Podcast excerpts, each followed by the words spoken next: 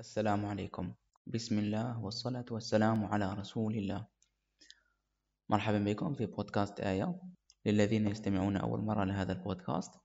بودكاست آية هو بودكاست ذو طابع ديني وين كل مرة نشارككم آية وآية بمعنى ليست فقط آية من القرآن وإما وإنما آه، أمارة أو دلالة أو برهان أو دليل. كل مرة نحاول نشارككم آية. ونستفيض فيها في التكلم إن شاء الله. ونفعنا الله وإياكم بهذا البودكاست. ثاني شيء حبيت نتكلم عليه اليوم هو أعتذر عن التأخر. صراحة الحلقة الأولى ظننت أن الموضوع سيكون سهل ولكن لما لما كملت ونشرت أو لما كملت وجهزت الحلقة الأولى للنشر توقفت شوية ما قدمت على خطوط أني ننشر هذا الموضوع قبل من أني أتأكد أنه I'm totally وأنا مئة بالمئة صحيح أو أنا بالمئة مئة بالمئة لم أقل شيء غلط في الموضوع. لأنه أنت لما تحكي باسم أكبر منك بزاف عم تحكي باسم الله سبحانه وتعالى وهذا نوع من أنواع إن شاء الله أنه يكون نوع من أنواع الدعوة إلى الله. فلازم تكون متأكد من كلماتك. طبعا يعني أنا لست حتى طويلة بعلم ف يعني نحن نسعى. فلهذا لازم عليا قبل كل حلقة نتأكد جدا المواضيع اللي نختارها. نتأكد جدا من مصادر نتأكد جدا حتى يعني مع شيخ. وعلى بالي مش راح يسمعها شيخ يعني اللي شيخ يعني هو قدوة لي وهو تعرف يعني هو كان قريب لي لما في المكان اللي أنا منه أو أصلي. فنشكره بزاف اسمه الشيخ جيلالي. فنشكره بزاف على مساعدته. حتى وإنه مش هيسمعه ولكن عنده الأجر العظيم يعني وراء كل حلقة نتصل فيه أو قبل ما نجهز نسجل كل حلقة راح نهبله لمدة نصف ساعة ساعة باش نرجع معه المواضيع والأحاديث. فبارك الله فيه وفي من يستمع الحديث وفي من ساهم في نشر هذا الحديث إن شاء الله. okay. موضوعنا اليوم عن الصلاة. موضوع شوية ملغم شوية صعيب شوية فراح يكون طويل شوية. إذا راك مش عارف إذا راك تدير في حاجة تحتاج تركيز. فماذا بيك تسمع البودكاست هذا الحلقة بعدين يعني حاول إنك تأجل الموضوع. سي مثلا مش عارف أنا بما إنه رمضان شهر رمضان الكريم راك مثلا تدير أو تنظف في البيت واسمعوا أو إذا رايك أنت مثلا تسمعي حاول إنك تشغلي نفسك بإشي تستفادي يعني اثنين في واحد اسمعي في الأوقات اللي تكوني مثلا تغسلي أطباق أو تغسل أطباق أنت ثاني أغسل أطباق. يعني أي شيء مثلا تجري أو هذا شيء جيد ممكن تستفاد منه يعني إن شاء الله لأنه راح يكون طويل حبتين وماذا بيا أنك تركز يعني معه تعطيله تركيزك. أوكي. آه، أول شيء حابب نمر عليه هو آه، وش هم المراحل أو أهم العناصر اللي راح نمر عليهم في الحلقة هذه. أول إشي ما هي الصلاة؟ ثاني شيء أهمية الصلاة. ثالثا أجرها عند الله. رابعا أثرها على العبد. آه، خامسا حالنا مع الصلاة. خامسا أو سادسا عظم ذنب تارك الصلاة. حال الصحابة مع الصلاة. وأخيرا خطوات عملية للثبات على الصلاة. تمام؟ هذه كانت آه، العناصر اللي نمر عليهم. نبدأ أول إشي ب وش هي الصلاة أو ما هي الصلاة؟ الصلاة هي أنا نشوفها أنه هي الصلة بيني بين الإنسان وبين الله عز وجل. هي المكان اللي نلجأ له كمسلمين يوميا لخمس مرات على الأقل وين تكون مشغول في الدنيا مشغول في العمل مشغول في الدراسة مشغول في كل. ولكن يجيك الصلاة أنه ستوب توقف. كاين إشي أهم؟ تذكر إنه الدين هو الأول إشي. الخمس مرات في اليوم أنت تخدم أو تدرس أو تقرأ يجيك يجي الأذان حي على الصلاة أن أن توقف عن ما تفعله وسارع إلى الصلاة سارع إلى عبادة الله. فكل يوم عندك خمس اختبارات. من الذي ستفضله؟ شكون اللي وش هي الأولوية تاعك؟ ما هي الأولوية بالنسبة ليك؟ هل هي الصلاة أم هي أو هل هي الدين أو هل هو مشاغل الحياة كل يوم لي خمس مرات. ما هو الأهم بالنسبة إليك؟ النوم أم صلاة الفجر؟ ما هو الأهم بالنسبة إليك؟ الدراسة أو الشغل أم الصلاة؟ ما هو الأهم بالنسبة إليك؟ النوم أم الصلاة؟ ما هو الأهم بالنسبة إليك؟ مشاهدة الغروب أم الصلاة؟ ما هو الأهم بالنسبة إليك؟ الأكل والعشاء أم صلاة العشاء؟ كل يوم لخمس مرات.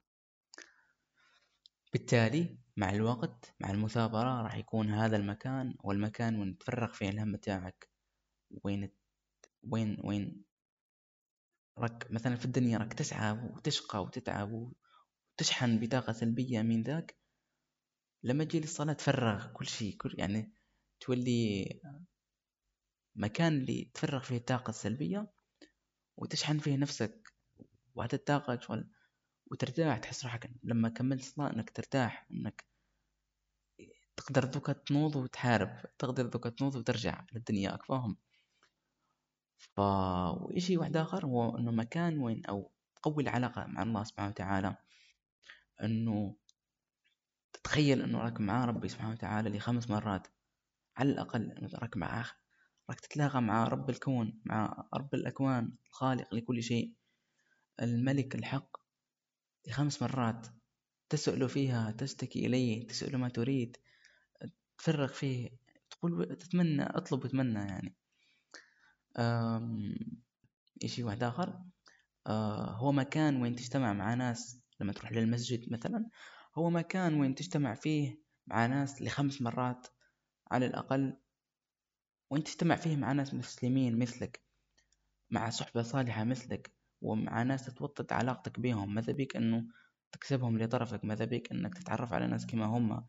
ناس بالنسبة لهم عندهم الأولوية تاع الصلاة كما أنت عندهم الأولوية تاع الصلاة مهمة جدا. فهذا إشي جيد أنك تتعرف عليهم أكثر. إشي جيد أنك تكون صحبة صالحة معهم فهذه هذه أهمية ثانية. كالعادة نحاول إنه في كل حلقة إنه يكون كان يعني هذا هو الكونسبت إنه آية أو أو أو حديث أو أو عبرة أو شيء يكون داخل في في الحلقة. معنا أول حديث اليوم هو حديث عن أبي مالك الأشعري رضي الله عنه قال قال رسول الله صلى الله عليه وسلم الطهور شطر الأيمان والحمد لله رب والحمد لله تملأ الميزان وسبحان الله والحمد لله تملأان أو تملأ ما بين السماء والأرض والصلاة نور والصدقة برهان والصبر ضياء والقرآن حجة لك أو عليك قرآن حجة لك لك أو عليك. كل الناس يغدو فبائع نفسه فمعتقها فمعتقها أو أو موبقها. رواه مسلم والترمذي والنسائي. آه صراحة الحديث على جبته كاين شدني جزء منه وهو الصلاة نور. هلا دوكا يعني حاليا وأنا أنا نقرأ معكم الآية أو الحديث. شدني جزء ثاني أو جزء ثاني وهو والقرآن حجة لك أو عليك. هذا ممكن نستعمله في حلقة ثانية إن شاء الله. هنا فسر المفسرين هذا الحديث بخصوص جزئية والصلاة نور وذكر هنا أنها نور في وجه المؤمن نور في قلب المؤمن في الدنيا نور على الصراط المستقيم. في قوله تعالى يوم ترى المؤمنين والمؤمنات يسعى نورهم بين أيديهم. سؤالي هنا. الذي لا يصلي أين النور في حياته؟ أنت لما ما يكونش كاين مكان تفرغ فيه من الهموم تاعك. ما كانش إنسان في هذه الكرة الأرضية صدقوني ما كانش إنسان في هذه الكرة الأرضية. موش يمر بواحد المراحل سيئة في حياته. موش يوميا كان ابتلاءات موش يوميا كان مصاعب وأشياء ومشاغل قاعدة تعمره بالطاقة السلبية. تعمره بحزن هموم ومشاكل. كيفاش تتعامل مع مع هذه الأمور مع هذه المتغيرات؟ هو السر. كيفاش تتعامل؟ يا إما واحد يروح يشرب مثلا واحد يروح ينسى يحاول إنه يتناسى بالأفعال السيئة من شرب وسب وايا كانت الأفعال السيئة. واحد يكون المفر تاعه من هذه الأشياء هو الله سبحانه وتعالى. وفروا إلى الله. واحد يكون المفر تاعه من هموم الحياة والله سبحانه وتعالى وأن يفر من ضيق الدنيا إلى اتساع ورحبة الآخرة ونفر من مشاغل الدنيا وأعبائها وهمومها. ويتذكر الجنة ويبقى عنده يقين أنه هذا ابتلاء من الله سبحانه وتعالى وأني يوما ما راح ندخل الجنة بإذن الله بهذه الأمور. عجبا لأمر المؤمن إن أمره كل خير إن أصابته سراء آه، فصبر. يعني مانيش مذكر الحديث مانيش كاتبه هذا وين قلته. يعني إنه بمعنى الحديث أو كما قال الرسول صلى الله عليه وسلم إنه عجبا لأمر المؤمن أمره كل خير كله خير. إذا أصابتك شيء سيء وصبرت واحتسبت الأجر عند الله فلك في ذلك الأجر. وإذا أصابك شر وصبر وإذا أصابك خير وشكرت الله واحتسبت إنه هذا خير من عند الله ولم تتكبر على الناس وشكرت الله سبحانه وتعالى حق الشكر. فلك أجرها عند الله سبحانه وتعالى. فتخيل فيعني الذي لا يصلي أين النور في حياته؟ أين مصدر الطاقة تاعه؟ حتى وين؟ يعني كيفاش كيفاش ماك تصلي؟ يعني كيفاش ماك تصلي؟ حرفيا إنه كيفاش مسلم ماكش تصلي؟ مانيش متخيل الموضوع هذا كيفاش إنسان مسلم ما هوش يؤدي الصلوات الخمسة ما هوش يسجد لله سبحانه وتعالى. ف راح نطرقوا راح نطرقوا لهم أكثر إن شاء الله مع ال مع ال مع ال مع المست... يعني مع ال... مع المستقبل الحلقات. مش مستقبل الحلقات مع النقاط التالية. أوكي. هذه كانت فيما أهمية الصلاة.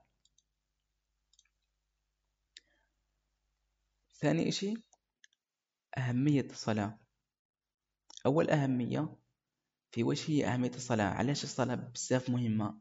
علاش الصلاة بالنسبة للإسلام شيء كبير جدا؟ علاش هي الركن الثاني الإسلام؟ علاش هي ركن من أركان الإسلام أصلا؟ أول أهمية من عظمة مقام الصلاة أنها هي الفريضة الوحيدة. اللي تشرعت على النبي صلى الله عليه وسلم وتشرعت على المسلمين وفرضت في السماء. والنبي صلى الله عليه وسلم طلع على جالها بحادثة الإسراء والمعراج إلى السماء السابعة وين شرعت الصلاة وفرضت. تمام؟ يعني هذه الوحدة ممكن أن تكفيك أنه كل الفرائض فرضت علينا في الأرض ونزلت عبر عبر الوحي عبر جبريل جبريل رضي الله عنه وأرضاه إلا الصلاة. الصلاة هي هي الفريضة الوحيدة اللي فرضت على النبي صلى الله عليه وسلم في السماء وشرعت في السماء. وحدثت بعدها حادثة أنه آه، كان ينزل لموسى فيقول له مثلا وش حال؟ وش ما فرض عليك الله؟ كان يقول له خمسين صلاة. كانت خمسين صلاة يا يا, يا الله كانت خمسين صلاة. تخيل إنه كانت خمسين صلاة. تخيل لو كان أنت مجبور تروح للمسجد خمسين مرة في اليوم تصليها. تخيل. فبعد المحادثات اللي كانت تسترى بين ما بين إنه النبي صلى الله عليه وسلم يطلع وينزل يطلع وينزل لكي يخفف الله عنا هذا العدد فقال مع الأخير آه، هي خمس وهي خمسون لا يبدل القول لدي. يعني أنت راك تصلي خمس صلوات وكل صلاة من هذه الخمسة أجرها كخمسين صلاة كعشر صلوات يعني فمجموعهم يكونوا خمسين صلاة. هذه الأهمية الأولى. الأهمية الثانية هي حديث أبي هريرة أبي هريرة رضي الله عنه قال قال سمعت رسول الله صلى الله, عليه وسلم إن أول ما يحاسب به العبد يوم القيامة من عمله صلاته. معناه أنه الصلاة هي أول شيء أنت تتحاسب عليه يوم القيامة. فإذا صلح هذا الإشي فإذا يعني كان تكمل الحديث آه، بمعنى إذا إذا صلح هذا الإشي صلح سائر, سائر الأشياء تكون أسهل وأيسر. وإذا خاب يعني فنسأل الله العفو والعافية. تمام. آه إشي ثالث آه عن بريدة رضي الله عنه قال قال رسول الله صلى الله عليه وسلم إن العهد الذي بيننا وبينهم الصلاة فمن تركها فقد كفر. سؤالي ليك ليكي ألا يكفي؟ ألا يكفي أن الرسول صلى الله عليه وسلم يقول أن العهد الذي بيني وبينك هو الصلاة فإذا تركتها فقد كفرت. ألا تكفي تلك, تلك كأهمية؟ أو ما تريد أكثر؟ تمام. يعني كل واحدة من هذول نحسها أنا أنه كافية لي وليكم أو لأي شخص مسلم عنده عنده فطرة سليمة أنه خلاص يا رب كفى يعني تكفي تلك كدليل أني نصلي. كاين أيضا آه، قول أحد العلماء عجبني جدا أنه آه، الصلاة جامعة لأركان الإسلام. هذه واحدة من واحدة من الأشياء اللي يعني آه، قليل يعني لم أجدها منتشرة يعني ما هيش منتشرة. وشيء جميل إنه نسمعوها. إنه الصلاة جامعة لأركان الإسلام. كيف؟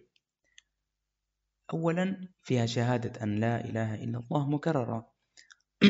أنت في صلاتك في الصلاة العادية كلمة أو شهادة أن لا إله إلا الله مكررة فيها جدا. ثاني إشي الزكاة. كيفاش الزكاة؟ أي ينفصلوا أي ينفصلوا الزكاة كيفاش أنت كيفاش تزكي؟ أو كيفاش سيرورة أو البروسيس تاع الصلاة؟ الزكاة تبدأ أول شيء بوقت. أنت تخصص وقت. باش تخدم وهذا الوقت اللي تخدم به عندك فيها عندك فيه أو مردود ليك مال أو مبلغ مادي معين. بهذا المبلغ المادي اللي, اللي تحصل عليه من الوقت اللي خدمت به خصصته للعمل تتزكى بجزء منه. ثم مريت على أربع مراحل. وقت عمل تؤجر على عملك. هذاك المال تخصص منه جزء للزكاة كيفاش الزكاة فيها أو, أو صلاة فيها ركن الزكاة بأنك راك تخصص الوقت المسبب للمال. راك تخصص جزء من وقتك باش تصلي. فأنت راك تتزكى بالوقت واللي هو يعد أثمن من المال حتى. ثالثا الصيام. الصلاة فيها نوع من أنواع الصيام أو لون من ألوان الصيام. كيف ذلك؟ أنك لما تصوم راك تشغل آه، أو راك تصوم عن مشاغلك حتى تكمل فترة الصلاة. مثلا أذن خلاص نوض نترك أي شيء عندي نتوضأ نروح نصلي نكمل الصلاة تاعي أذكار ما بعد الصلاة. بعدين نرجع. فأنت كل هذه الفترة راك تصوم على المشاغل تاعك باش تروح تصلي. ثاني إشي مش فقط تصوم على المشاغل راك تصوم على أنك ما تتحركش بشكل معين راك تحفظ الفرج تاعك راك تحفظ البطن تاعك يعني ما تصلي مثلا وتاكل أو, أو غيرها من هذه الأشياء. آه الشيء الرابع هو حج البيت. كيفاش ركن الحج آه الحج موجود في الصلاة؟ وفيها حج البيت كيف؟ لأنك تستحضر وأنت تصلي بيت الله وتتجه إليه وتتحرى إليه. فأنت البيت أو راك تتحراه وراك تتجه فيه كقبلة ليك. تمام. آه هذا هذا كان قول أحد العلماء في أنه الصلاة جامعة لأركان الإسلام. آه إشي ثاني؟ أنه يعني هذه كان لازم تكون قبل هي أنه الصلاة هي ركن من أركان الإسلام الذي لا يلغى عن الإنسان أبدا حتى وهو مريض حتى وهو بالحرب حتى وهو عاجز. هي الركن الوحيد مثلا صوم. ممكن تتنحى في حال أنك كنت مريض ومكش قادر تصوم. حج البيت لمن استطاع إليه سبيلا. في حال ما, كش ما, كش ما كنتش قادر فأنت الحج ما مكتوب عليك. الزكاة في حال ما كانش عندك آه، في حال كنت من الناس اللي ما عندهمش استطاعة باش يزكوا فهذا الركن نزل عليك. ركنين الوحيدين اللي ما كاش كيفاش ما ينزلوش ما كاش كيفاش ما تقدرش تديرهم هما شهادة أن لا إله إلا الله وأن محمدا رسول الله. والصلاة الصلاة حتى لو كنت مريض حتى لو كنت بالحرب حتى لو كنت عاجز عن الحركة كاين طرق كاين أشياء معينة تندار باش تصلي. يعني هي الإشي الوحيد اللي اللي الباقي ليك من ركن من أركان الإسلام. اللي ما كانش كيفاش تفوتوا ما كانش حجة ليك تفوتوا حتى لو تشوفوا يعني في في الصلاة مثلا إنسان مش قادر يصلي وهو واقف صلي وأنت جالس. ماكش قادر تصلي وأنت جالس ماكش قادر توقف حتى أو تجلس تصلي على جنبك. ما كانش ما تيمم. مريض تيمم. ماكش قادر توشي الماء تيمم. بالحرب كاين واحد الكيفية تصلي بها بحيث أنك تكون شاد معك سلاح وآخذ حذرك ولكن تصلي. حتى في في في في أحد الغزوات قال النبي صلى الله عليه وسلم لعنهم الله لقد شغلونا عن الصلاة. وهو في عز المعركة قال شغلونا عن الصلاة. وحتى وهو يجاهد في سبيل الله قال شغلونا عن الصلاة. صح. آه هنا حاب نضيف حديث آه ثاني. آه من الأحاديث التي تدل على أهمية الصلاة. آه قال الرسول صلى الله عليه وسلم أو دقيقة قال رسول الله صلى الله عليه وسلم رأس الأمر الإسلام وعاموده الصلاة وذروة سنامه الجهاد في سبيل الله كما بين صلى الله عليه وسلم. أي أن رأس الأمر الإسلام وعاموده الصلاة. تخيل معايا. عمود فوقه لنقل أنه فوق كرة. تمام؟ عمود وفوق كرة. إذا العمود هو اللي رافع الكرة. لو أنك أسقطت أو لو أنك نحيت العمود. الرأس الرأس سيقع لا محال. لو أنك أخليت بفرض وركن الصلاة فأنت أخليت بالعمود. ما بقي للإسلام بعد ذلك؟ ما بقي لذلك الرأس؟ سيسقط لا محال. حديث آخر ممكن نضيفه. هو حديث ابن عن لحديث عبد الله بن مسعود رضي الله عنه قال سألت رسول الله صلى الله عليه وسلم أي العمل أفضل؟ قال صلى الله عليه وسلم صلوا على النبي الصلاة لوقتها. الصلاة لوقتها من أفضل الأعمال إلى الله أنك تؤدي الأعمال أنك تؤدي الصلاة على وقتها. تخيل أنه يقول لك وش هي أفضل الأعمال إلى الله؟ الصلاة على وقتها. أفضل عمل لله سبحانه وتعالى أنك لما يأذن لما تقوم وقت وقت الصلاة تخلي كل إشي تخلي كل يعني تتبرأ من كل ما يشغلك إلى الصلاة تفر إلى الصلاة سارع إلى الصلاة. هذه من أحب الأعمال إلى الله من الأشياء اللي فيها أجر عظيم. فما تقولش أنت مثلا راك أذن تقول مازال شوية وقت الصلاة حتى مازال ما خرج أو تصلي في وقت حتى حتى يكون قريب يخرج الوقت تاعه. هذه كلها أشياء تنقص من قيمة الأداء تنقص من قيمة الصلاة تنقص حتى في قلبك أهمية الصلاة تنقص حتى في أدائك. لما مثلا لما مثلا تكون تعمل ويأذن وتبدي عملك على الصلاة في وقتها مرة اثنين ثلاثة أربعة في اللاوعي تاعك يولي العمل أهم لك من الصلاة. يولي إنك معليش نورمال يعني عادي نص ساعة ساعة. نص ساعة متأخر عن موعد مع الله سبحانه وتعالى. متأخر عن موعدك مع ربي سبحانه وتعالى نصف ساعة. تخيلها فقط أنه ربي يقول, يقول حي على الصلاة. أنه قد قام موعدك مع الله. أنه قد حان الموعد لصلاتك مع الله سبحانه وتعالى. وأنت تقول لا ما زال شوية نخدم كما خدمتي أول إشي. لا ما زال شوية عندي إشي أهم.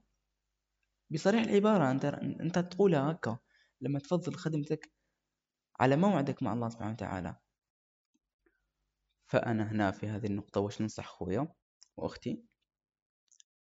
شغل واجب عملي قبل ما نروح لنقطة الواجبات العملية.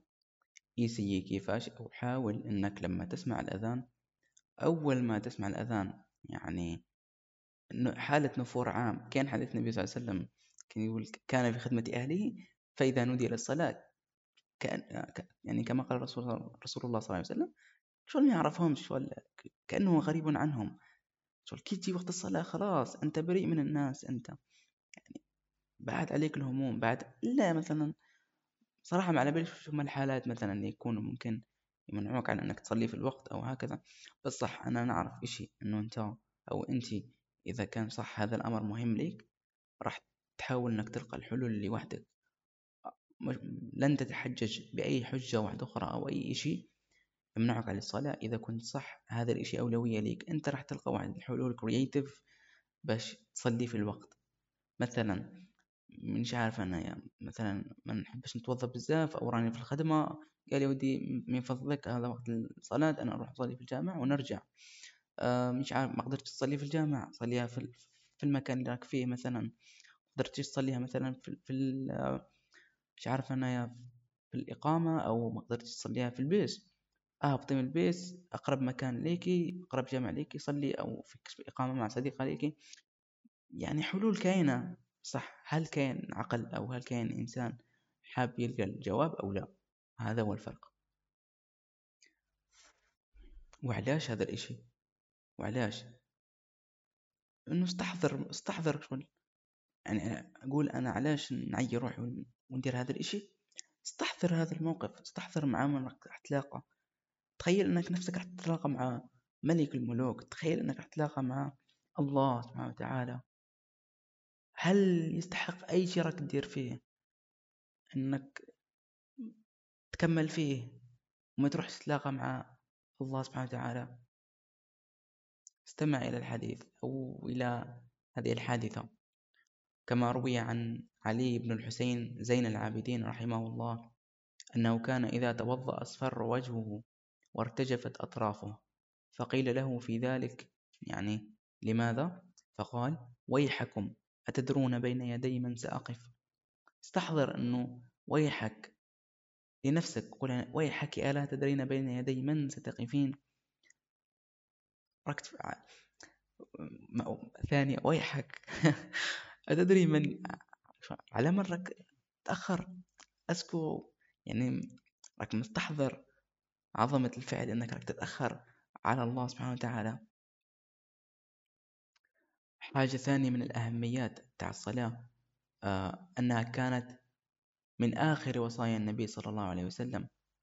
كما روي في الحديث عن علي بن أبي طالب رضي الله عنه أنه قال كان آخر كلام رسول الله صلى الله عليه وسلم. الصلاة الصلاة اتقوا الله فيما ملكت أيمانكم. وهذا كان عنوان الحلقة يعني.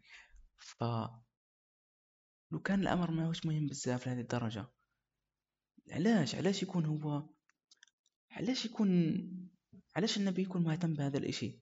علاش حتى الأنبياء والصحابة والتابعين كانوا يوصوا أولادهم آخر إشي؟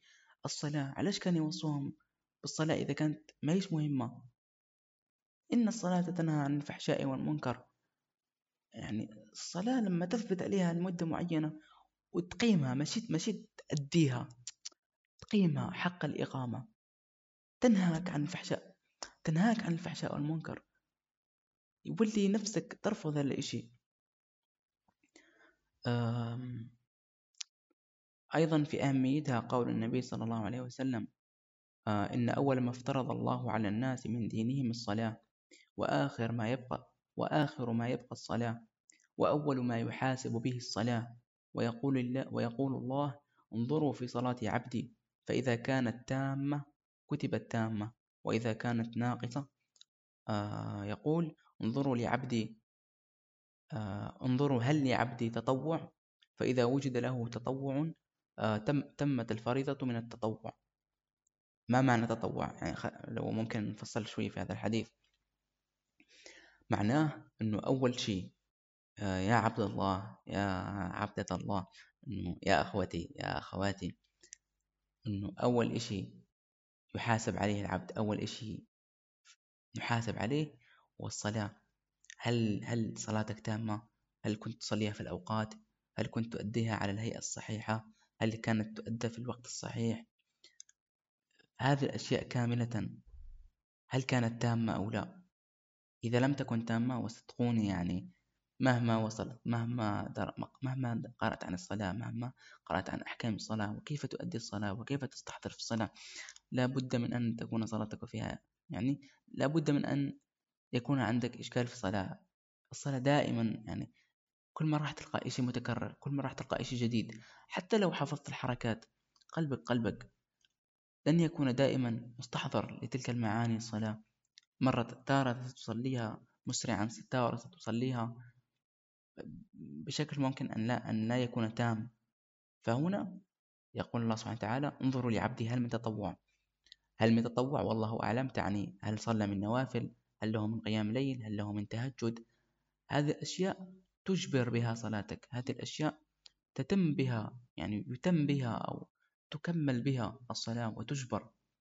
فأنت حاول أنه خاصة في هذا الشهر الكريم. مثلا في الأيام العادية نكون صريحين مش قادرين مثلا نصلوا النوافل وناس قادرين نصلوا 12 ركعة. تمام. رمضان أنت الشيطان خلاص بعيد عنك. ذكرت أنه في رمضان خلاص يكون وقت الصلاة يعني الشيطان بعيد عنك الشيطان مصفد. الأمر بينك وبين نفسك. هذا هو شهر الصلاة شهر الصيام شهر قراءة القرآن.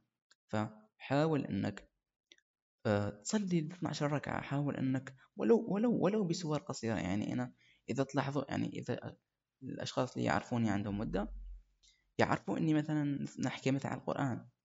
يعني أصدقائي نقول لهم ولو آية ولو آية في يومك روح توضأ أرواح حط السجادة أفتح القرآن الكريم اجلس اقرأ ولو آية بتدبر وشوف مثلا المعنى تاعها وش معناه على اليمين مثلا إذا كان الكتاب تاعك فيه تفسير أو على التطبيق وش معناها هذه الآية؟ وش ممكن نتعلم منها؟ أغلق وروح. يوم مع يوم مع يوم.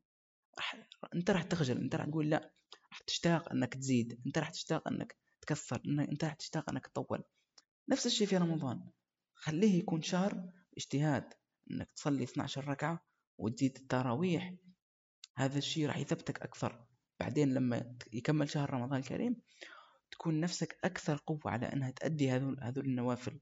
ولو مثلا ما تأديت ما أديتش 12 ركعة يوميا يكون كاين نوافل تصليهم ولو يعني ولو أقل القليل. تمام؟ آه فنعم هذه كانت في جزئية أهمية الصلاة. تمام؟ آه بالنسبة لكم أنتم آه انقطاع لثانية فقط ولكن بالنسبة لي كان انقطاع لحوالي ست أربع ساعات أعتقد. على أي آه عندي حاليا هاي حوالي الساعة السابعة. إذا المغرب على وشك الاقتراب. ولكن يعني لا أواجه مشكلة بذلك. أحبذ أني أخذ وقتي كاملا خاصة في ميزة البودكاست هذه أنه تقدر تتكلم بالقدر المفيد. يعني إذا كان مفيد الأمر فلا ت... يعني ليس هناك وقت محدد آه، أنت مجبور أنك تكمل قبله. Which is something good for for a valuable content.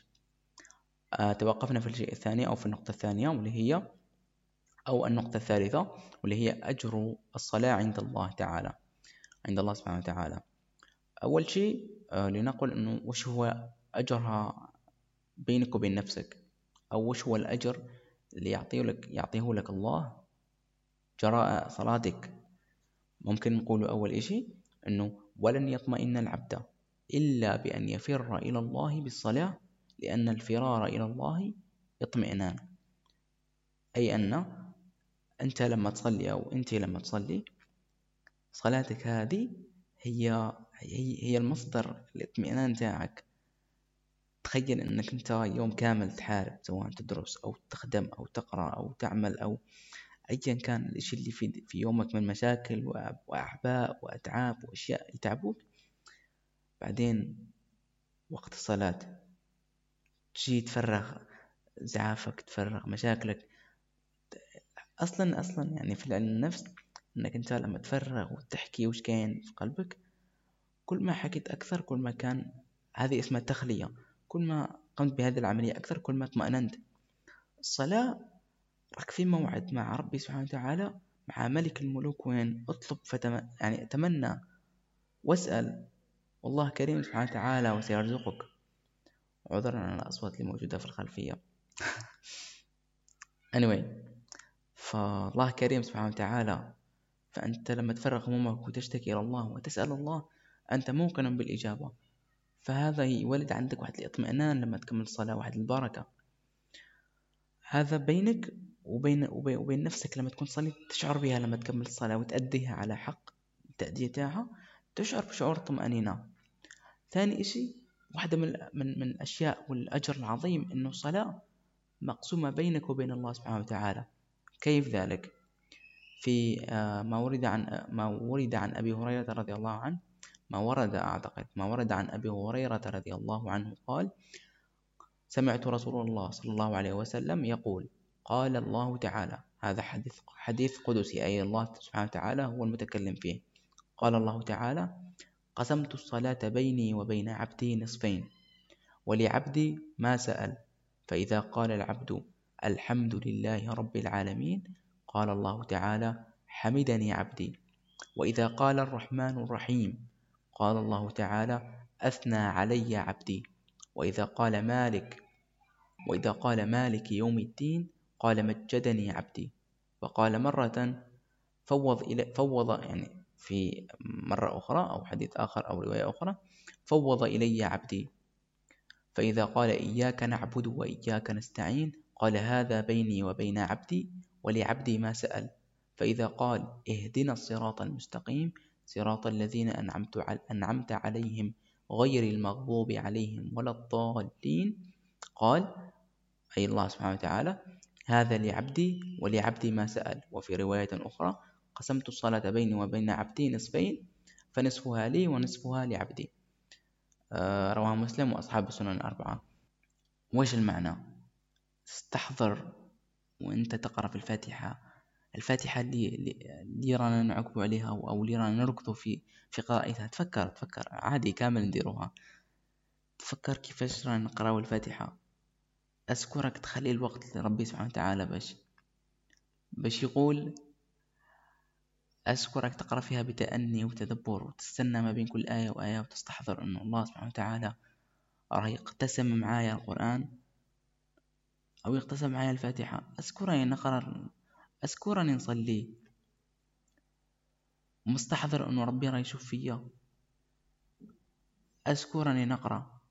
مستحضر أنه يا ربي وناوي نية أنه يا ربي أنا كان عندي مشاغل كان عندي أشياء بزاف ممكن نديرهم ولكن أنا فضلت أني نكون ملتزم في موعدي معاك وجايك في الوقت وجاي ندقدق على الباب تاعك أو جاي أدق بابك يا رب. أنه أنا بحاجتك هذه الصلاة أنا اللي بحاجتها أكثر منك. أنت غني عني أنا اللي بحاجتك. هل لما تجي تصلي تستح... هل لما نجي نصلي كامل نستحضروا هذه هذه النية؟ إن شاء الله يا ربي يعني أتمنى أنه يعني أنا مقصر أنا مقصر وأنت مقصر. صح نحاول أنه يوم عن يوم أنه هذه النية نستحضروها أنه يا رب أنا اللي بحاجة ليك يا رب أنا اللي بحاجة باش يكون معاه ولو موعد واحد وليست خمس مواعيد. سبحان الله. حديث ثاني في أجر آه، الصلاة أو أجر الصلاة عند الله سبحانه وتعالى هو حديث أبي هريرة رضي الله عنه قال قال رسول الله صلى الله عليه وسلم يتعاقبون فيكم ملائكة بالليل وملائكة بالنهار ويجتمعون في صلاة الصبح وصلاة العصر ثم يعرج الذين باتوا فيكم فيسألهم الله وهو أعلم بهم كيف تركتم عبادي؟ فيقولون تركناهم وهم يصلون وأتيناهم وهم يصلون. فيقول سبحانه وتعالى فأشهدكم أني غفرت لهم. فسبحان الله أنه الملائكة حاضرة معك في كل صلاة أنه مكتوبة مسجل هذا الموضوع أنه أنت هل صليت العصر أو لا؟ صلى. فلان صلى. فلان غائب لم يصلي. فلان صلى. ويتناوبون عليك. كان اللي يجوا في الليل وكان يجوا في الصباح. وفي النهار. فهذوك لما يقولوا إنه تركناه وهو يصلي وأتيناه وهو يصلي هذا أجر عظيم عند الله. وربي سبحانه وتعالى من من من يعني هذه الأشياء اللي لازم تفرح فيها إنه يباهي بك الملائكة ويسأل يعني علاش يسألهم وهو أعلم بهم منهم؟ علاش يسأل أنه هذا العبد صلى أو, أو لم يصلي وهو على باله أنه صلى أو لا؟ واحدة من التفاسير أنه لكي يباهي الملائكة بعباده لكي يباهي بك. يعني لا أعرف كيف أشرحها بالضبط ولكن باش يتباهى بك أمام الملائكة باش أنه عبدي صلى فيقول فأشهدكم أني غفرت له. أفلا تريد أن تكون ممن يغفر لهم الله سبحانه وتعالى؟ نحن نسأل الله المغفرة بعد كل صلاة. هل يا رب أغفر لنا على أن ممكن أننا لم نؤدي الصلاة على حق أو كما تركتها مئة بالمئة أو كما يجب مئة بالمئة. فلا تريد أن يغفر الله لك. صلي في مواقيت. صلي كي, كي تسجل في الصحف. من قبل الملائكة أن, أن هذا العبد صلى. صلي حتى تعرفك الملائكة يا أخي. صلي حتى ملائكة خلاص يعود. هذا الإنسان دائما حاضر في المسجد. هذا شعور جميل يعني. هذه أشياء تشجعك يوميا. أن تستحضر أنه لا أنا لازم يوميا لازم يوميا نكون في الجامع لازم يوميا يستحضر الملائكة إنه تكتبني من المصلين لازم يوميا. يا أخي نعطيك نعطيك مثال خفيف جدا. آه نهدر على الناس مثلا اللي يخدموا. أنت تحضر كل يوم في الخدمة؟ باش. يكون في الخدمة لما يماركوك في الخدمة لما يتم تسجيلك في العمل إنه هذا الإنسان حضر. فمع الأخير راح تأخذ يعني مع الأخير راح تأخذ الراتب بتاعك. نفس الشيء في الصلاة. احضر باش يتم آه، القول إنه هذا حضر لم يغب باش تأخذ الأجر تاعك ألا وهو مغفرة الله سبحانه وتعالى. أيضا من الأجر العظيم في قوله في قول الرسول صلى الله عليه وسلم صلاة الرجل في جماعة تزيد على صلاته في بيته وصلاته في في سوقه بضعا وعشرين درجة. ذلك أن أحدهم إذا توضأ فأحسن الوضوء أي لما تتوضأ تتوضأ مليح مشي فقط توضأ وجبد أو فقط أنك ترمي الماء على نفسك لا. أن تحسن الوضوء ثم تأتي المسجد ثم أتى المسجد لا ينهزه إلا الصلاة. أي أنك لما خرجت من الدار أنا رايح نصلي في المسجد. مانيش رايح مثلا نقصر أو مثلا نتجمع مع أصدقائي. مانيش رايح يعني مانيش رايح باش الناس يشوفوني إني أنا نصلي. مانيش رايح باش نلتقي مع أناس معينين. أنا رايح باش نصلي. لا ينهزه إلا الصلاة. ثم أتى المسجد لا ينهزه إلا الصلاة. لا يريد إلا الصلاة. فلم يخطو خطوة. إلا رفع إلا رفع له بها درجة. وحط عنه بها خطيئة حتى يدخل المسجد. فإذا دخل المسجد كان في الصلاة ما كانت الصلاة وهي تحبسه والملائكة يصلون على أحدكم ما دام في مجلسه. الذي صلى فيه يقولون اللهم ارحمه اللهم اغفر له اللهم تب عليه ما لم يؤذي فيه ما لم يحدث فيه. أي لنشرح الجزء الأخير فقط فإذا دخل المسجد كان في الصلاة ما كانت الصلاة وهي تحبسه. يعني لما تدخل المسجد كان الصلاة ما يتحركش ما يخرج حتى يكمل الصلاة. ما يخرج ما ما ما ينوضش يعني في ساعة ماشي ماشي أول ما يخرج يعني كاين ناس نشوفوهم والله المستعان. السلام عليكم. السلام عليكم. ما يكملش السلام عليكم الثاني. تلقاه افتح الباب وخرج من الجامعة. لما تكمل صلاة أو اجلس يعني تنفس فقط نفس واحد. بعدين اصبر يعني اسكت شوية برك بعدين استغفر الله استغفر الله عشر مرات. بعدين أذكار الصلاة أذكار الصلاة نقول إنه مثلا كاين عدد ما يقولوش أنا منهم يعني مثلا نستصعبهم أحيانا ما نقولهمش كامل أو نقول فقط استغفار وآيات الكرسي ونخرج. بس يعني مع الوقت مع الوقت حاول أنك تجبر نفسك أو تعود نفسك. كل يوم تزيد إشي كل يوم تزيد إشي خفيف.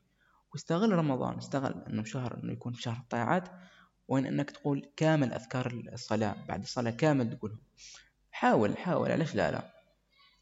فإنه يقول لك لما يكمل من الصلاة آه ويقعد في المجلس تاعه ما يخرج هنا الملائكة يصلون عليه ويدعون له؟ أن اللهم ارحمه اللهم اغفر له اللهم تبه وغيرها فالإنسان علاش يضيع هذا الأجر فأنت لما تجي الجامع تحسن الوضوء تصلي آه، تدخل الجامع تصلي اجلس شوية يعني خمس دقائق عشر دقائق بعدين فسعى يعني بعدين أسعى في في رزقك عادي. باش تدي أجر إنه الملائكة تذكرك عند الله. تخيل الأجر العظيم إنه الملائكة تستغفر لك تمام. هذا كان في آه، أجر الصلاة عند الله. يعني طبعا يعني في كل نقطة نذكرها. يعني الحديث يطول فيها. يعني يعني نذكر فقط رؤوس أقلام. ويعني الحديث يطول فيها. فهذه فقط رؤوس أقلام ممكن تفيدكم إن شاء الله. رابعا أعتقد رابعا. آه أثرها عن على العبد أثر الصلاة على العبد. قال أحد العلماء استمعوا لهذا القول جميل جدا. وتجد المهندسين من البشر يصلحون الآلة بشيء مادي يضع يضعه فيها ولكن الحق أي الله سبحانه وتعالى لأنه غيب.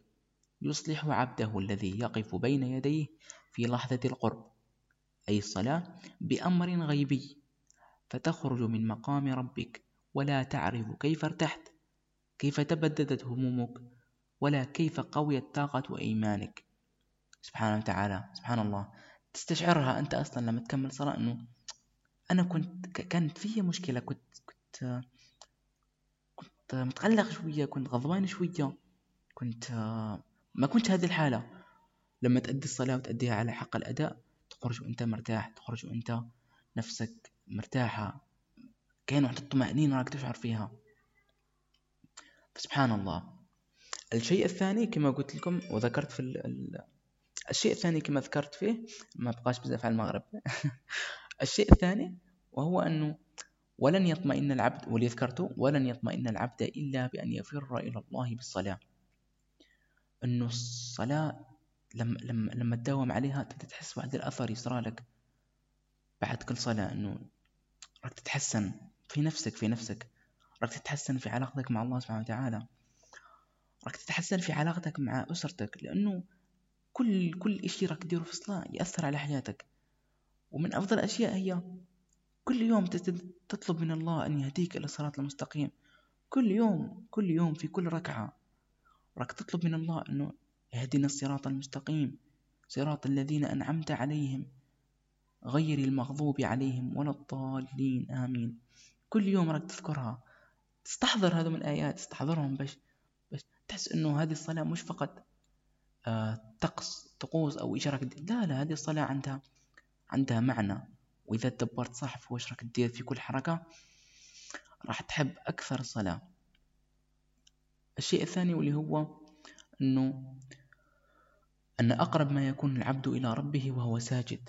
أنه سبحان الله تخيل أنه أنت في أكرم شيء في جسم الإنسان وهو العقل. في أدنى موضع في الأرض وهو, وهو الأرض. لماذا؟ آه، فضلا وتذللا وتضرعا لأكرم المخلوقات. ليس أكرم المخلوقات. فضلا وتضرعا لله سبحانه وتعالى الخالق. الخالق للكون. خالق الخالق الوحيد بحق. فسبحان الله فبهذا الموضع تخيل البعد بينك وبين الله سبحانه وتعالى. إنه ربي في سبع سماء وأنت في في الأرض. ومع ذلك ربي سبحانه وتعالى أقرب ما يكون العبد إلى ربه وهو ساجد. أن اطلب ما. اطلب ما تريد. مثلا رأيت وجهك مشكلة. اطلب الله سبحانه وتعالى إنه يا ربي حل علي هذا المشكل أو كان مشكلة ساعدني باش نحلها. ربي مبتليك بابتلاء. يا ربي ارفع عني هذا البلاء. كان مشكلة راهي تواجهك. يا ربي يسر أمري في هذا الإشي وأعني على أن أتجاوزه شيء آخر وهو القرب من الله باستحضار عظمة الموقع. كما ذكرنا الحديث آه، أو كما روي عن هذا الإشي اللي ذكرنا الفوق أنه كما روي عن علي بن الحسين زين العابدين رحمه الله أنه كان إذا توضأ أصفر وجهه وارتجفت أطرافه فقيل له في ذلك فقال يعني أي ماذا ما بك لماذا هذا الفعل؟ فقال ويحكم أتدرون بين يدي من سأقف؟ استحضر عظمة عظمة لما تستحضر هذه العظمة تخشع صح؟ تخشع لما تستحضر عظمة أنه كاين واحد أنه كان إله ينظر ليك وأنت تؤدي في الصلاة. تستحضر هذه الموقف وتؤدي الصلاة حق أدائها. آه هذا كان في أثر العبد آه على الصلاة. دوكا نروحوا للموضوع الذي هذا يعني الموضوع لو لو بديت نهضر فيه مثلا في كل نقطة واستفضت فيها لن نكمل إن شاء الله. وهي حالنا مع الصلاة. إيش وش وش هي الحالة تاعنا مع الصلاة؟ وش هي حالتك مع الصلاة؟ انظر لنفسك أنت لما تصلي. اسأل نفسك حتى علاش ماك تصلي؟ يعني لما ما تروحش تصلي سؤال. علاش؟ يعني سؤال فقط لما يقول لك حي على الفلاح حي على الصلاة علاش ما تصلي يعني هل أنت اللي شكون يعني استحضر شكون اللي بحاجة باش تصلي هل أنت اللي بحاجة للصلاة؟ هل ربي جل وعلا يعني أعوذ بالله أنه يكون بحاجة لعبد؟ هل هل شكون اللي يحتاج الصلاة؟ حاجة من الاثنين يعني. يا أما الله لا يستحق العبادة جل وعلا عن ذلك أعوذ بالله من أن يكون كذلك. يا أما أنت متفنين مثلا متكبر مثلا تكاسل مت... هذا تعب. بس صح ماشي عذر هذا هذا كامل يعني معليش صح. هذا كامل ممكن يكونوا أعذار. مثلا يقول لك إنه أنا تعبان هذا وين جيت من الخدمة. أو أنا مشغول راني نخدم.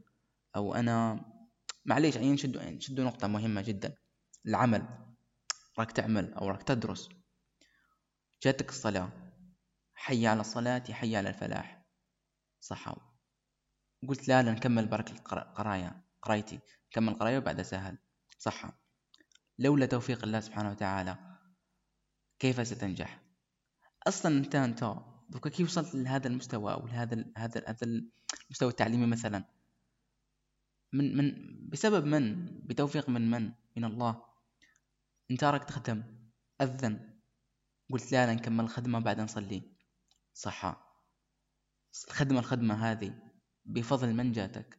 بتوفيق آه يعني عادي مزية من الله سبحانه وتعالى. فضل من الله سبحانه وتعالى توفيق من الله سبحانه وتعالى.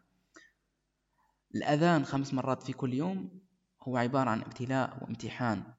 كل يوم لخمس مرات يعيد فقه الأولويات اللي في راسك أنه وشكون الأولى بالنسبة لك أنك تنام أو تصلي. أنك في العمل أو تصلي. أنك مش عارف أنك مثلا قيلولة في وقت القيلولة مثلا في صلاة العصر ولا تروح تصلي. هذا كامل فقه أولويات أنه يوميا عندك خمس اختبارات أنه من الأهم بالنسبة لك شكون الأهم بالنسبة لك والله أعلم. ثاني شيء وهو يعني, يعني هذا الإشي المنتشر بزاف في الواقع تاعنا وهو أننا ورثنا الصلاة. أنه تلقى مثلا أطفال يصلوا ما على بالهمش علاش راهم يصلوا فقط إنه مجرد إنه الأب جابوا معه للصلاة بالسيف عليه بالك هو كان يلعب ولا حاجة هكا وجابوا بالسيف باش يصلي. إنه صلي فقط صلي صلي. هذا ما كان حاب نشوفك تصلي. هنا الخطأ من الآباء هنا الخطأ من الأخ. أنت لما تجيب أخوك يصلي بدون ما تفهمه وش عظم هذا الإشي؟ وش عظم الصلاة؟ وش الأجر تاع الصلاة؟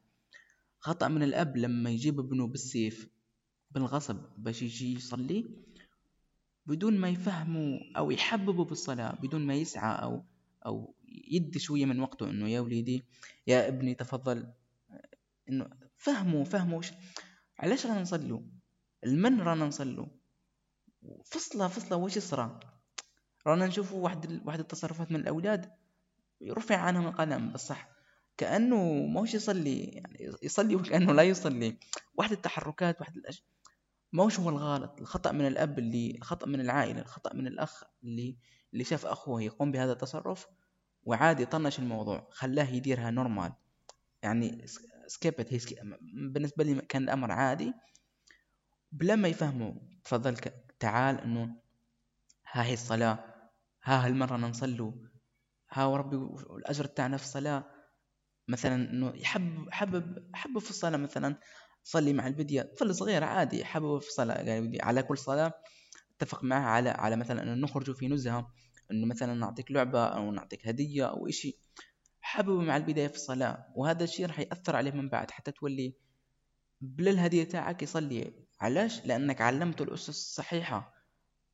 وش هي أهمية الصلاة؟ وش هي الأجر تاعها عند الله سبحانه وتعالى؟ بالطبع باللسان أو بالكلام اللي يفهمه هو.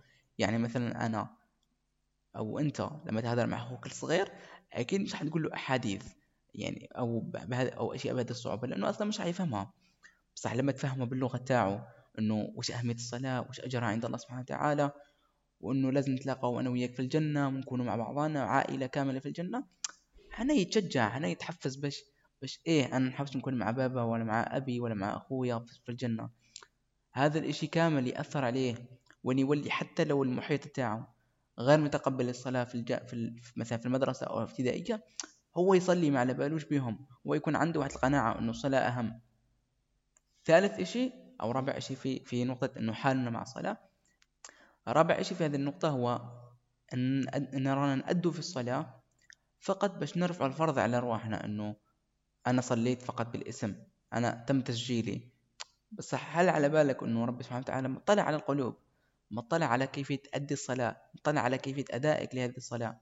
هل هل تدبرت في الآيات أو فقط كنت كما ينقر الخشب؟ يعني استحضر هنا واحد الحديث يعني استحضر هنا واحد ولا خلوا خلوا نتجاوز شوية دوكا نرجعوا ليه إنه صلاة ولات فقط إنه نروح نصلي جوج دقائق دقيقة السلام عليكم السلام عليكم ورحمة الله وبركاته تجري تخرج. مازال ما كملتش السلام راك خرجت وترجع. هل بالنسبة لك هذه صلاة؟ هنا يعني راح راح نكهة تاع الصلاة. نك نكهة إنك راك في حضرة الله سبحانه وتعالى إن الله متقاسم معاك الصلاة. راحت ما, ك... ما ولتش كاينة هذيك البنة تاع الصلاة. بطبيعة الحال خلاص نفسك ولت تستثقل هذا الأمر. الإشي اللي بعده هو أن الفرق الشاسع بين إقامة الصلاة وأداء الصلاة. ولا شك في أن إقامة إقامة الصلاة هي التي يؤجر عليها العبد حق الأجرة هو هي اللي يأخذ فيها الأجر الكامل. نعطيكم مثال عليها حديث للنبي صلى الله عليه وسلم من حديث أبي هريرة رضي الله عنه تعالى أن النبي صلى الله عليه وسلم كان ذات يوم جالسا بين أصحابه في المسجد فدخل رجل فصلى ثم جاء فسلم على النبي الكريم عليه الصلاة والسلام فقال له النبي صلى الله عليه وسلم ارجع فصلي فإنك لم تصلي. فرجع الرجل فصلى كما صلى كما صلى. أول مرة يعني. ثم جاء فسلم على النبي صلى الله عليه وسلم فقال له النبي صلى الله عليه وسلم ارجع فصلي فإنك لم تصلي للمرة الثانية. فرجع فصلى كما صلى في المرة الأولى ثم جاء في المرة الثالثة فسلم على النبي صلى الله عليه وسلم فقال له النبي ارجع فصلي فإنك لم تصلي. فإنك لم تصلي ولا كأنه صلى حتى. لثلاث مرات. فقال, فقال الرجل والذي بعثك بالحق لا أحسن غير هذا فعلمني. فقال له النبي صلى الله عليه وسلم إذا قمت إلى الصلاة فاسبغ الوضوء.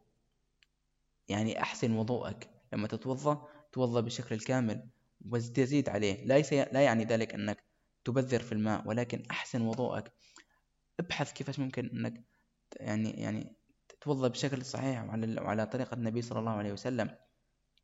بعدين إيش؟ ثم استقبل القبلة فكبر. ثم اقرأ ما تيسر معك من القرآن. اقرأ ما تيسر معك من القرآن معناه مش مثلا كل مرة تقرأ لي آية أو آيتين. صحيح الآية والآيتين نورمال عادي في الصلاة أنك تقرأ ولو آية واحدة. ولكن أين الخشوع؟ يعني ماشي دائما. أين استحضار الآيات الله سبحانه وتعالى؟ أين التدبر فيها؟ أين أنك تستحضر أنه في عظمة الله سبحانه وتعالى؟ هل راك تتدبر في ذيك الآية أصلا؟ يعني لما تقولها أو فقط مجرد باش تأديها بأسرع وقت ممكن. بعدين ثم اركع حتى تطمئن راكعا. أعظم وأكبر عنوان أو قاعدة في الصلاة هي الاطمئنان. بعد كل حركة بعد كل قول بعد كل أداء راك تأديه الاطمئنان واجب. أنك مثلا رفعت من السجود. تجلس حتى تطمئن. بعدين كمل تقرأ. آه, آه، سجدت تسجد. تسكن قليلا حتى تستوي وتطمئن. بعدين سبحان ربي الأعلى سبحان ربي الأعلى سبحان ربي الأعلى. ثم ارفع حتى تعتدل. نعود إلى الحديث. ثم ارفع حتى تعتدل قائما. ثم اسجد حتى تطمئن ساجدا. ثم ارفع حتى تطمئن جالسا. ثم اسجد حتى تطمئن ساجدا. ثم افعل ذلك في صلاتك كلها. لاحظت أنه أكثر إشي متكرر. تطمئن. وصف الاطمئنان. أنك مش فقط رك يعني يعني كأن شي صار تحس راح يدير في ألعاب رياضية أو كمال الأجسام. القاعدة الأولى أنه تطمئن. بعد كل حركة أنه بديت في الصلاة. استحضر أنه أمام أنت أمام إله قوي عليم. يعلم ما في صدرك مطلع عليه مطلع على كيف أدائك الصلاة مطلع هل أنت أصلا مستحضر أهمية الصلاة في حياتك أو لا. عدنا إليكم بعد أكثر من يوم. كاين نقطة ثانية في جزئية حالنا مع الصلاة وهي الفرق بين الخامسة والسابعة صباحا وفقه الأولويات. أنك يعني سي ينزل الطرقات على الساعة الخامسة صباحا أو أيا كان أن وقت الفجر متغير. يعني من الرابعة يعني أحيانا يوصل حتى الأوقات الرابعة الثالثة مساء ويعني أحيانا يوصل حتى ستة يعني. أعتقد في الصيف يعني في فيكون يعني الأمر سهل نوعا ما. ف شاهد الفرق. شاهد الفرق بين الساعة بين ساعة صلاة الفجر وساعة الأعمال ساعة الوقت للذهاب للعمل. يعني تستغرب أحيانا لما تنزل الشارع وتجد أنه طريق على طريق على الساعة الخامسة فارغ كليا فارغ كليا. يعني ولا كأنه إشي مهم. على الكفة الأخرى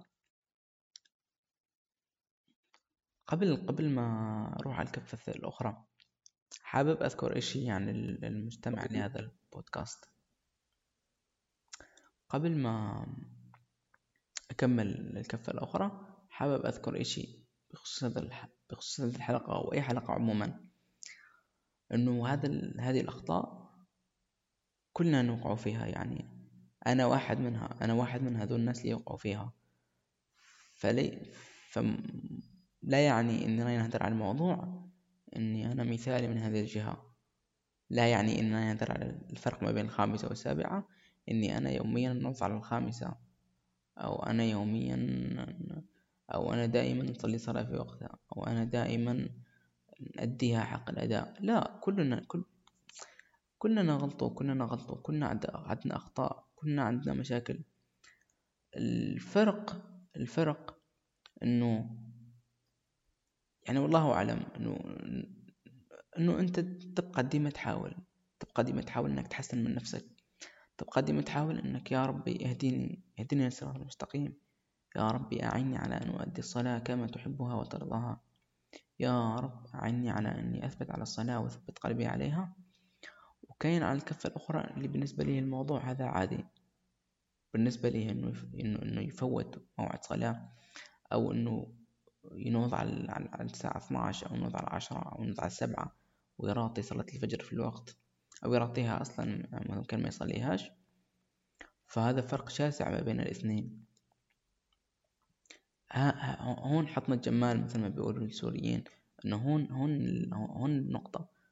إنه هذا هو المغزى من البودكاست إنه تفكر في الموضوع إنه تصير تسعى إنك تحسن من نفسك ليكون هذه تفكير فقط لإلك إنه there is something wrong. هناك شيء خاطئ وإنت لازم عليك إنك تشتغل عليه. هون في نقطة خطأ أو هون في نقطة خطأ. أنت لازم تطور من نفسك فيهم. ويعني وخير الخطائين التوابون. صح. فيعني من هنا نرجع للف... للنقطة تبع الفرق ما بين الخامسة والسابعة صباحا. وفقه الأولويات لدينا. فقه الأولويات مش فقط لنفسك. حتى مع أولادك يعني. حتى لما أنت مثلا تكون تصلي. تلقى مثلا إنسان يصلي الخامسة صباحا ومخلي ابنه ولا مخلي ولده أو مخلي أخوه أو مخلي فرد من عائلته ساكن معه نائم عادي وهو راح يصلي. ينوضوا على الساعة السابعة باش يروح يقرأ ويضربوا على دراسته. بس الخ... باش ينوض على الفجر نورمال راه تعبان خليها يرقد. هنا فوق الأولويات ليك وفوق الأولويات للطفل. أنت لما تتعامل معه بهذه الطريقة الأولوية تاعه وش تكون؟ هل راح تكون الصلاة أو راح تكون الصلاة؟ أو راح هل راح تكون الصلاة؟ هل راح تكون الصلاة أو راح تكون الدراسة؟ بالطبع الطفل الصغير. فالأولو فالأشياء اللي أنت تولي لها الأهمية تكون مهمة بالنسبة ليه بنفس الأهمية اللي راهي عندك. وهذه هذه نشوفوها بزاف هذه نشوفوها جدا منتشرة. حتى وتلقاه مثلا يصلي هو ولكن ممكن أحيانا ما ينوضوش أو قليل وين ينوضوا فهذا هذا هذا يلعب دور ثاني على الطفل يلعب دور ثاني على على على حل الأطفال من بعد. إنك تبني جيل الصلاة آخر أولوياته. إنه حتى لما يروح يصلي يكون هذا بالنسبة لي لعبة. مش مستحضر أصلا أهمية. والخطأ منا إحنا إنه مناش ننشر الوعي بهذه بهذه الجزئية. الشيء الثاني اللي حاب نحكي عليه وهو عظم ذنب تارك الصلاة. عن بريدة قال قال رسول الله صلى الله عليه وسلم إن العهد الذي بيننا وبينهم الصلاة فمن تركها فقد كفر. حديث صحيح. رواه الترمذي والنسائي وابن ماجه وأحمد. صح. أن لما النبي صلى الله عليه وسلم كان كان يغزو على كان كان يحب يغزو أو كان يحب يتفقد هل هذو مسلمين؟ يعني لما كان مثلا مستولي على مناطق ويشوف حاب يشوف est-ce que مازالهم على العهد مازالهم مازالهم في الطريق السوية أو لا؟ أو حتى لما يجي يغزو مكان جديد كان يقول استناو حتى يجي موعد الصلاة موعد الصلاة. أسكو يصلوا أسكو كاين ناس أسكو كاين أذان أسكو كاين ناس تصلي أو لا. وهذا كان الدليل لينم عليه نقض العهد بينه وبينهم. فما بالك بنا نحن كمسلمين؟ إن العهد اللي بينك وبين النبي صلى الله عليه وسلم الصلاة أنت موقع عقد بينك وبين الله سبحانه وتعالى بالصلاة والعهد اللي بينك وبين ربي هو الصلاة. فمن تركها فقد كفر. وفي هذا القول اختلف العلماء وكانوا على كفتين. يعني استمع الاختلاف استمع بالله عليك استمع الاختلاف. الطرف الأول يقولوا أنه كافر هذا كافر مطلق. الطرف الثاني يقول لك أنه فاسق. دوكا استمع لهذول هذول يعني يا أما أنت يعني يعني تارك الصلاة يا أما كافر يا أما فاسق. بالله عليك يعني حلوهما مر هذا ثم راك في دائرة يعني يا سيء يا أسوأ. ثم أنت يا أما كافر مطلق يا أما فاسق. فأنت نفسك حتى مش حتخليك تختار واحد من هذول الأشياء. فلما تواصلت مع الشيخ تاعي على جال الحلقة هذه آه، ذكر جملة في خصوص هذه النقطة أنه آية تارك الصلاة أرح العلماء الذي فيك آه، الذي فيك فأدي إيه آية تارك الصلاة أرح العلماء في الاختلاف فيك فأدي الصلاة يعني ريحهم من هذاك الاختلاف ما بين إنك كافر ولا فاسق وصليها يا محمد. آه على كل حال. آه حبيت نذكر مجموعة من الآيات. آه كل نفس آه الآية يعني مجموعة المجموعة الأولى. بسم الله بسم الله الرحمن الرحيم. كل نفس بما كسبت رهينة إلا أصحاب إلا أصحاب اليمين. في جنات يتساءلون عن المجرمين ما سلككم في سقر قالوا لم نك من المصلين. صح تخيل أنك راح تدرس في يعني هذه استمع لها حاول أنك تتدبر فيها شوية. وعلى الطرف الآخر تخيل أنه راح أنت راح تعقب آه، امتحان البكالوريا. عندك امتحان البكالوريا؟ يبقالوش بزاف وربي يوفقني راهم مقبلين عليه. تخيل أنه جاك واحد مثلا آه، مدير مثلا مدير أو أو شخص اللي كان قائم على الامتحان أو شخص حتى عقب الامتحان وجا ليك قال لك تفضل.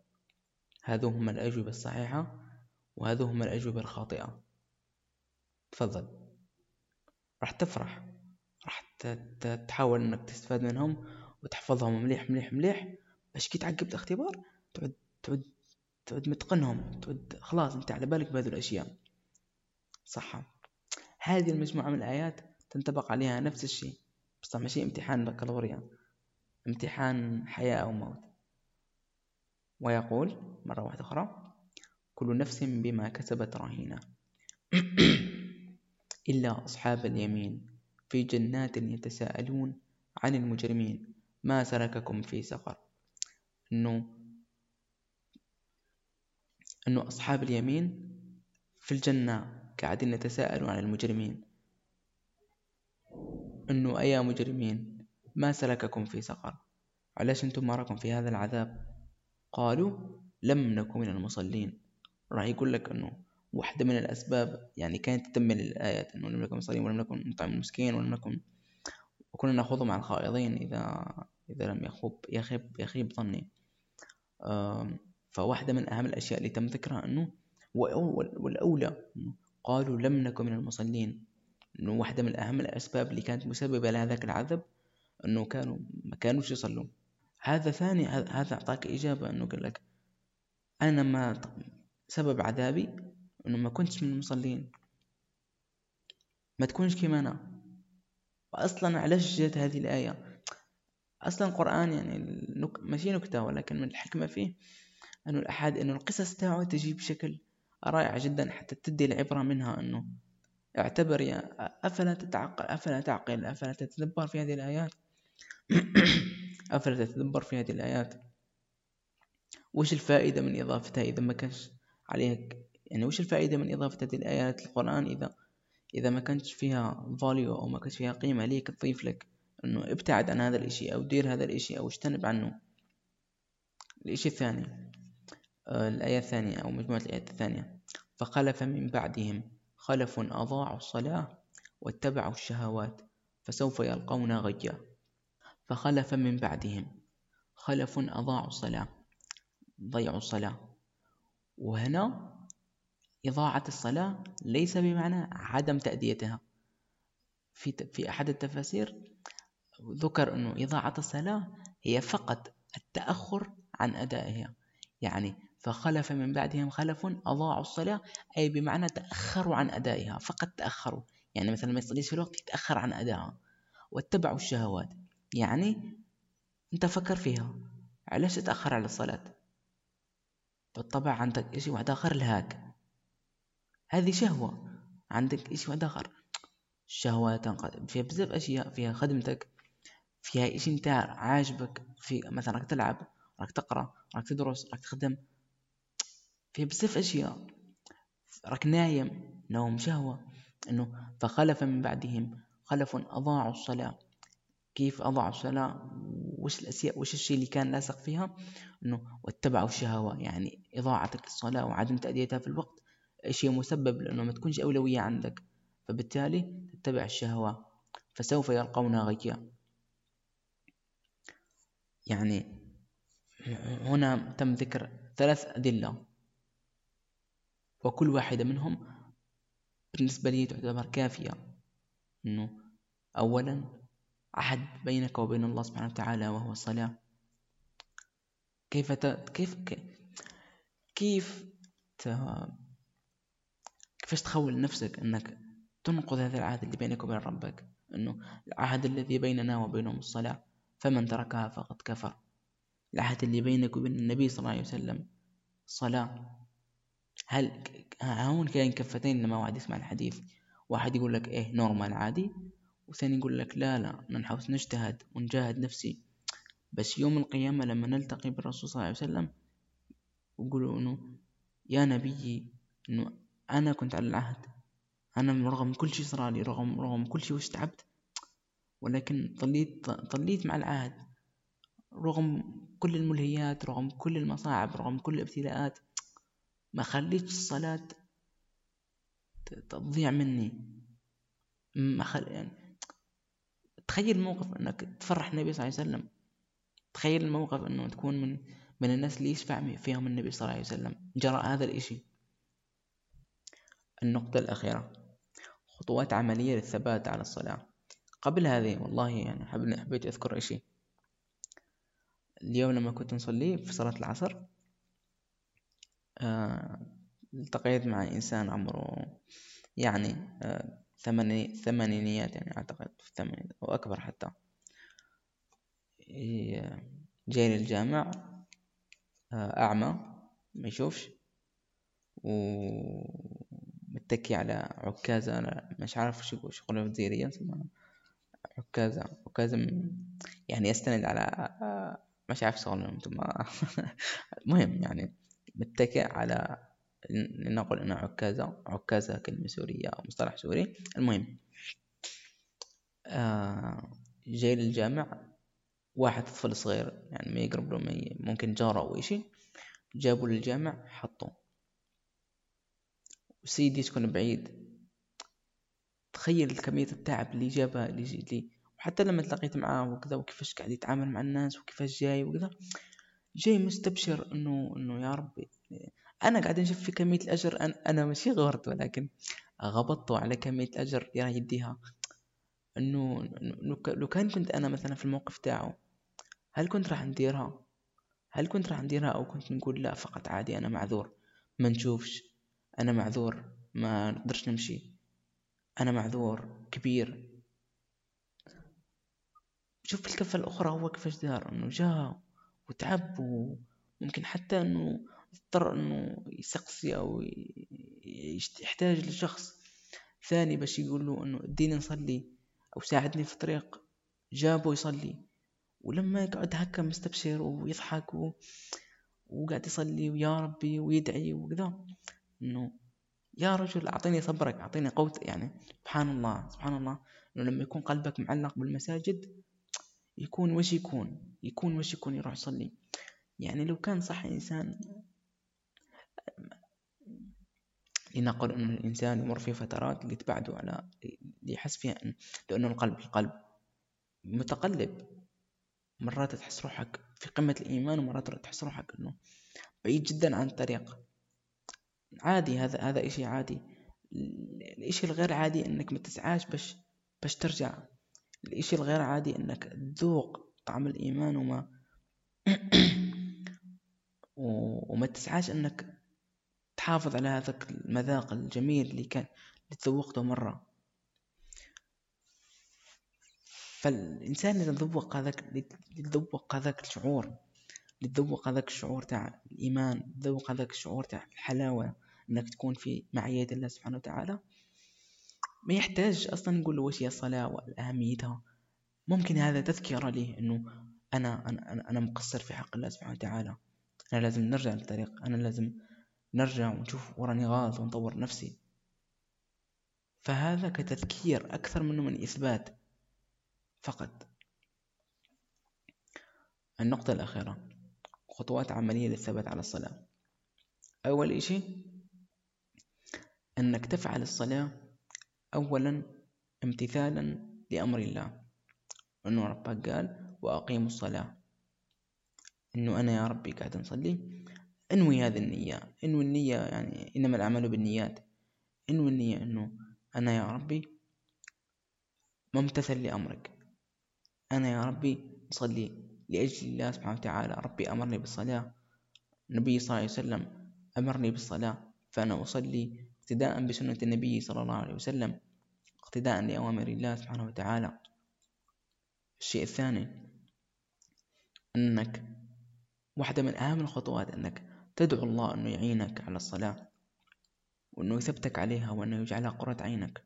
قلنا أنه الشيء الثاني واحدة من أهم الخطوات أنك تدعو الله وتسأله أنه يعينك على هذا الموضوع. تدعو الله وتسأله أنه يعينك على أنك يخلي الصلاة بمكان ومكانة عالية جدا في قلبك وأنه يجعلها شيء أنه يجعلها قرة عين ليك. أدعو الله أنه يا ربي أنا مقصر في صلاتي. أنا مقصر في صلاتي. أنا حابب نصلح من نفسي ولكن الأمر صعيب عليا ما نقدرش نديره وحدي يا ربي. عاوني باش إني نطور من نفسي. عاوني باش إني تولي الصلاة حاجة مهمة بالنسبة لي. لما لا؟ النقطة اللي بعدها. استحضر وش ذكرنا في الحلقة. استحضر وش وش, وش ذكرنا من من أهمية للصلاة. استحضر وش ذكرنا من من من عظم آه، ذنب تركها. استحضر وش ذكرنا من أثرها عليك والأشياء المفيدة لي والأجر العظيم اللي راك تديه. هذول الأشياء لما تستحضرهم يشجعوك. في كل مرة في كل مرة يأذن استحضر الكلمات إنه حي على الصلاة. حي على الفلاح. يعني إذ مباشرة مباشرة. إيسي كيفاش مباشرة؟ أول ما يأذن أنك تصلي مباشرة. النقطة اللي بعدها. استحضار أن الموعد هذا أنت الذي بحاجة له. والله غني عنه الله سبحانه وتعالى ما يحتاجش منك هذا الإشي. الله سبحانه وتعالى هذا الإشي ما راح يزيد ما راح يزيد ولا ولا, ولا ينقص من منه شيء. الموعد هذا أنت اللي بحاجة ليه؟ أنت اللي مخصص لك خمس مواعيد على الأقل إنه تروح لله سبحانه وتعالى. أنت اللي محتاج هذا الموعد. أنت اللي محتاج باش تطلب الناس سبحانه وتعالى. يعني استحضر مكان العبودية استحضر إنه أنت الضعيف. استحضر كمية الأشياء اللي أنت بحاجة لها استحضر كمية الابتلاءات وكمية المشاكل اللي راها اللي راها فوق فوق ظهرك. واستحضر إنه ما كانش إنس ما كانش ما كانش ما كانش أي شيء في هذا الكون ممكن إنه يساعدك باش تتجاوزها إلا الله. ما كانش أي شخص ممكن يساعدك ما كانش أي صديق ما كانش أي واحد. لا يوجد إلا الله الذي يستطيع أن يساعدك في هذه المحن. فر إلى الله في صلاتك أن ندعوه يا ربي أنا عندي هذه المشكلة وهذه المشكلة وهذه المشكلة. ساعدني أن نتجاوزهم أنا محتاج هذا الإشي وهذا الإشي وهذا الإشي. يا ربي سهل لي طريقي. يا ربي سهل لي طريقي وساعدني باش نوصل لهذا الإشي اللي نعوز عليه. الإشي الثاني إنك تحاول تلقى صحبة صالحة تعينك على الصلاة. مع الأول هذا الموضوع راح يكون صعيب. ولكن مع الوقت مع الوقت مع الوقت كيف راح تلقى صحبة صالحة؟ أنا نظن أنه مع محاولة ذهابك للمسجد وأنك تشوف الناس اللي مداومين على الصلاة وأنك تكون معهم علاقات هو واحدة من أهم الأشياء اللي ممكن تساعدك على الصلاة. لأنه أنت أنت. هذاك اللي راح يصلي ومتابع مثلا في نفس عمرك راح يواجه نفس المشاكل. بصح هو ممكن فايتك بخطوة أنه خلاص هو ممكن الحمد لله يا ربي ولا يثبت على الصلاة. وانت مزارك في بدايتك. لما تطور علاقتك به وتثبت معاه تبني معه العلاقة قوية معاه. هو أصلا يصير يتشجع وأنت أصلا تصير تتشجع لما تشوفه هو يصلي. تروح معاه تصير إنكم مثلا تصلوا بعضكم بس تنوضوا روحكم للفجر. وهكذا أشياء هذه الأشياء كلها تفيدك باش باش باش يولي الصلاة بالنسبة لك عادة وشي مهم إنك تديره. الشيء اللي بعده وهذا وهذا عن تجربة شخصية. أحرج نفسك من الآخر. أحرج نفسك. واحدة من الأشياء اللي ساعدتني جدا. باش نثبت يعني على الصلاة ولله الحمد والفضل والمنة إنه قبل عامين أعتقد أو ثلاث سنين. أعتقد قبل حوالي ثلاث سنين عملت تحدي في ال... في الانستغرام في الصفحة الشخصية. كان كان عدد المتابعين عندي مية أعتقد. كان عدد قليل جدا. فنشرت تحدي إنه أنا راح نعمل تحدي اسمه رحلتي في صلاتي وراح كل يوم نصلي في مسجد مختلف في في, البلدة اللي أنا ساكن فيها. ونصور سكرين شوت ونصور ونصور صورة إني رحت رحت صليت لمدة ثلاثين يوم. كل يوم جامع مختلف كل يوم مسجد مختلف أو يعني في كل صلاة. لم أكمل تحدي صراحة الأخير يعني كملت حوالي خمسة وعشرين يوم. ولم أذهب في كل يوم في كل صلاة إلى مسجد مختلف ولكن حاولت قدر الإمكان إني أفعل هذا الإشي. صح. يعني ولله الحمد ولله الحمد ولله الحمد. إنه من هذاك من هذاك التحدي لا أذكر إني إني رطيت صلاة. والله يعني والحمد لله. يعني ممكن المرات اللي رطيت فيهم صلاة ينعدوا على اليد الوحدة. وهذا في في في فضل عظيم. إنك تحرج نفسك قدام الناس وتقول حتى يعني عدد المتابعين قلت لكم كان 100 يعني أصلا ما كاش كان واحد معبر ولكن أنت نفسك فقط لما تنشرها وت... ليس رياء ليس من جانب ولكن من جانب إنك تحفز نفسك إنه أنا لازم يكون عند كلمتي أنا نشرت هذا الإشي باش نحرج نفسي باش باش تصلي بالعاني باش باش باش بالعاني. عادي مع الأول إنه يكون مثلا عادي مع الأول إنك مثلا تقول أخوك صغير أو أو أو أو واحد يقول لك مثلا على كل صلاة نعطيك مثلا دراهم أو نعطيك جائزة أو نعطيك إشي معين لأنك مازلك في بداية الطريق لازم لك محفز. مثلا أخوك صغير تقدر تقول له مثلا أخوك صغير ممكن ما يفهمش وش راني نقول لك مثلا أنا من أحاديث وكلمات. ولكن على الكفة الأخرى ممكن تقول له ممكن تشرح له هذا الإشي بطريقة يفهمها بالإضافة أنك تحفزه أنه على كل مثلا صلاة ممكن نعطيك جائزة أو ممكن نخرج مثلا في نهاية الأسبوع إذا صليت نكمل في الجامعة ممكن نخرج أنا وياك في نزهة أو ممكن نعطيك مثلا مبلغ مادي. لما لا؟ لما لا؟ تشجعوا علاش لا, لا ما نشجعوش الأولاد وال... علاش لا؟ ما نشجعوا أخواتنا صغار وولادنا وأخواتنا على هذا الشيء في أجر عظيم لله سبحانه وتعالى. فإيسي كيفاش أنه تلقى واحد الحافز يحفزك. أما تلقى جماعة يحفزوك أما أنك أنت تحرج نفسك قدام ناس باش تتحفز وتروح تصلي. أما أنه دير تحدي بينك وبين واحد أو بين مجموعة حوس على مجموعة مثلا من الناس أنه كامل عندهم مشاكل عدم ثبوت عدم ثبوتهم على الصلاة وقل لهم وش رأيكم أننا ندير تحدي لثلاثين يوم يوميا نصلوا جميع الصلوات في الجامع. هذو هذو هذو كامل أشياء يساعدوك باش تبدأ في الطريق. يعني فقط دفعة صغيرة باش تبدأ أنك تتحفز إنه تصلي في الجامعة دائما. يعني منذ منذ أتوقع أنك راح راح تصير لك مشاكل منذ أتوقع أنه راح تقطع أحيانا منذ أتوقع أنه راح تقول أحيانا إنك أنا تعبان نعسان أو عندي مشاكل أو ندير حاجة برك بعدين نروح نصلي. دائما استحضر النية أنه أنت في عهد بينك وبين بينك وبين الرسول صلى الله عليه وسلم عهد. أنه ربي سبحانه وتعالى أمرك بالصلاة وأنه ما يش ما يش شيء ثانوي أنه الصلاة عمود الدين. ف فاستحضر هذه الأشياء. هذول الأشياء يعني أسأل الله سبحانه وتعالى أن يكون فيهم نفع لي وليكم. أعتقد تقريبا أنا كملت. أه راح تلاقوني إني مانيش على كل حال. أعتقد إني كملت النقاط اللي أنا حاب نحكي عليهم. أه أسأل الله سبحانه وتعالى أنه يكون فيهم النفع لي وليكم. أسأل الله سبحانه وتعالى الإخلاص في القول والعمل. في حال عجبتكم الحلقة أتمنى أنكم تشاركوها مع أصدقائكم اللي ممكن تفيدهم هذه الحلقة.